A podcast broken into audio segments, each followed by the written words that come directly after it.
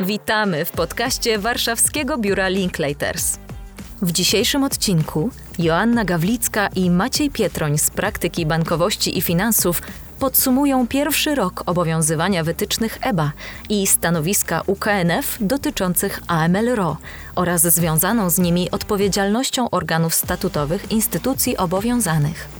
Macieju, miło Cię widzieć w ten późno jesienny poranek. Ciebie również. Spotykamy się w przededniu pierwszej rocznicy opublikowania przez UKNF stanowiska dotyczącego AML-RO. I chyba jest to dobry moment na to chwilę podsumowania. No właśnie, 1 grudnia mija rok od opublikowania stanowiska OKNF-u, które jest odpowiedzią na wytyczne EBA w zakresie AML-RO i to świetny moment na to, żeby sobie zrobić e, podsumowanie tego, jak e, te stanowiska i wytyczne EBY funkcjonują w praktyce. Tak więc no nie da się ukryć, że w Polsce instytucje obowiązane miały dosyć krótki okres, żeby dostosować się do tego, co UKNF w szczególności zaproponował, bo UKNF poszedł ciut dalej niż EBA.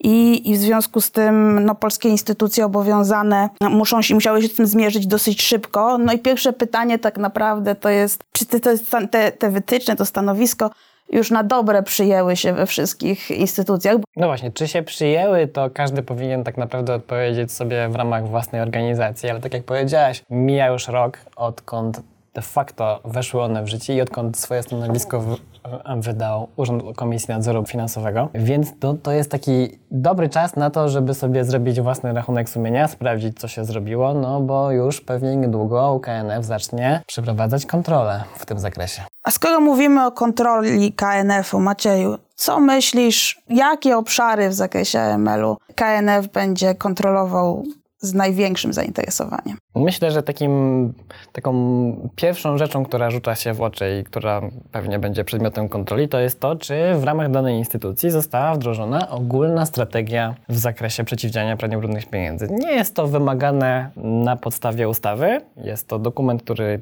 tak naprawdę został przewidziany gdzieś tam między wierszami w ramach stanowiska OKNF i wytycznych EBA. I tak naprawdę same te dokumenty nie precyzują treści tejże strategii. Więc tak naprawdę każdy powinien odpowiedzieć sobie wewnętrznie na pytanie, co ten dokument powinien zawierać. Ale myślę, że można go uznać za pewnego rodzaju dokument ramowy, który powinien nakreślać ogólny zbiór procedur, polityk i rozwiązań w zakresie AML-u, które powinny zostać wdrożone w ramach danej instytucji. Gdybym ja dzisiaj przeprowadzał kontrolę jako UKNF, to bym zapytał w zakresie wdrożenia tych stanowisk UKNF-u, czy ten dokument w danej organizacji w ogóle powstał to, to słuszna uwaga, ale też chyba należy w kontekście tej strategii zwrócić uwagę na jeszcze jedną rzecz, a mianowicie, że zarówno stanowisko UKNF-u, jak i wytyczne EBA rozciągają całą odpowiedzialność za prawidłowe mm, stosowanie przepisów AML-owych nie tylko na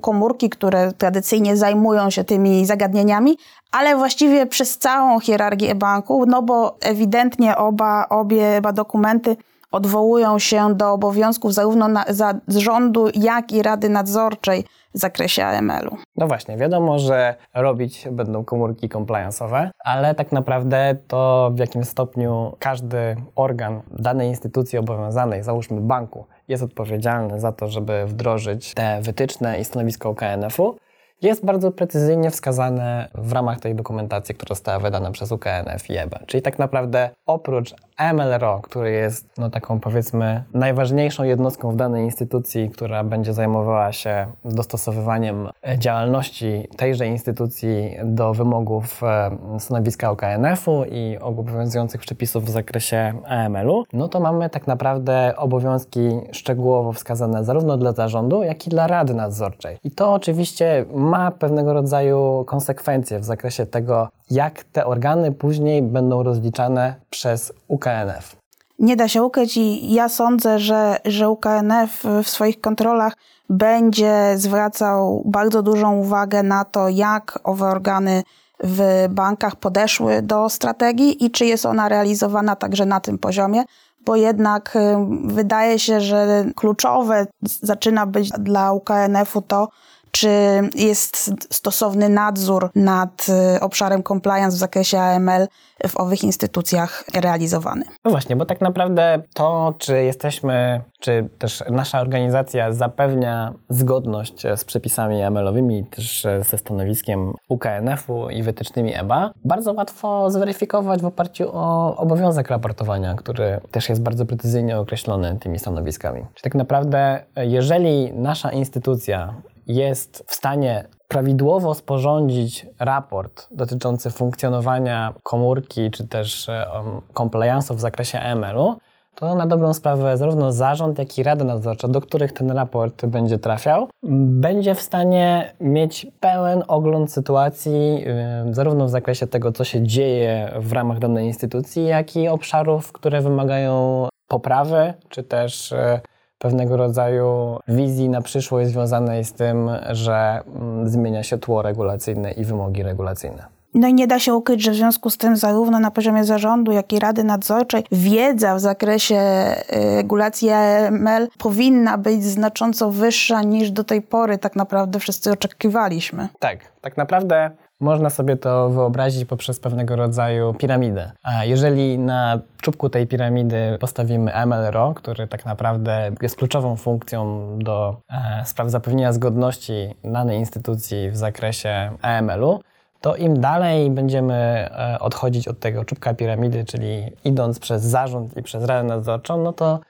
tak naprawdę zobaczymy jak gdyby jak ta organizacja e, w ramach danej instytucji powinna być skonstruowana. Czyli im dalej od MLRO, tym wiedza przynajmniej teoretycznie powinna być na wyższym, znaczy na, na bardziej ogólnym poziomie. Niemniej jednak, żeby móc skutecznie mm, realizować zadania, czy też zapewnić zgodność w zakresie AML-u, ta wiedza powinna być na pewnego rodzaju poziomie zapewniona dla każdego członka Rady Nadzorczej i każdego członka e, zarządu. Oczywiście wiadomo, że w ramach danej instytucji, która dysponuje zarządem zawsze i też to jest zgodnie z ustawą, powinien być wyznaczony jeden członek zarządu, który powinien e, nam zapewnić zgodność w zakresie przepisów o przeciwdziałaniu praniu brudnych pieniędzy. Niemniej ta wiedza powinna być zapewniona na pewnym ogólnym poziomie dla każdego.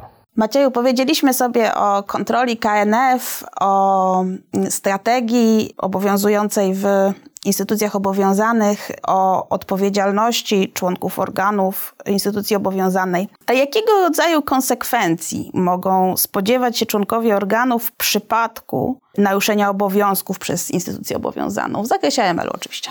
To dosyć złożone zagadnienie. Mamy na przykład ustawę ML-ową, która w pewnych okolicznościach przewiduje możliwość nałożenia na przykład kar pieniężnych na członka zarządu odpowiedzialnego za wdrożenie obowiązków określonych w ustawie ML-owej. Mamy też przepisy sektorowe, na podstawie których, e, tak jak jest to w przypadku ustawy prawo bankowe, istnieje możliwość nałożenia kar pieniężnych na zarząd lub nawet na członków rady nadzorczej. Przed tego typu konsekwencjami jednak takie osoby chronią się polisami OC.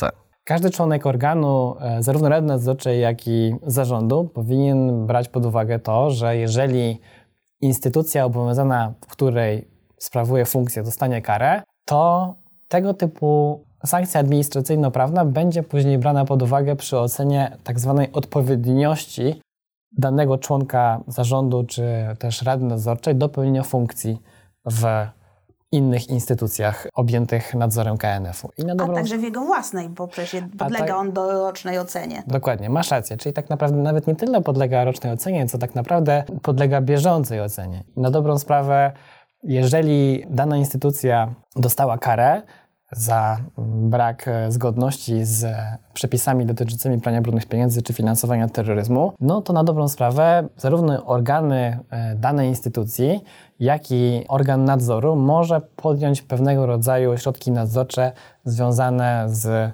nawet usunięciem danej osoby ze stanowiska. I przed tym żadnego rodzaju polisa ubezpieczeniowa niestety nie ich nie uchroni. I dlatego tak ważne jest to, żeby zapewnić e, możliwie najdalej idącą zgodność e, danej instytucji obowiązanej z, z, z przepisami i tym może mało optymistycznym akcentem kończymy dzisiejszą dyskusję i...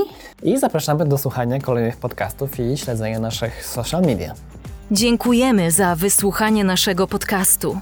Zachęcamy do obserwowania naszych kanałów social media, aby być na bieżąco z kolejnymi odcinkami.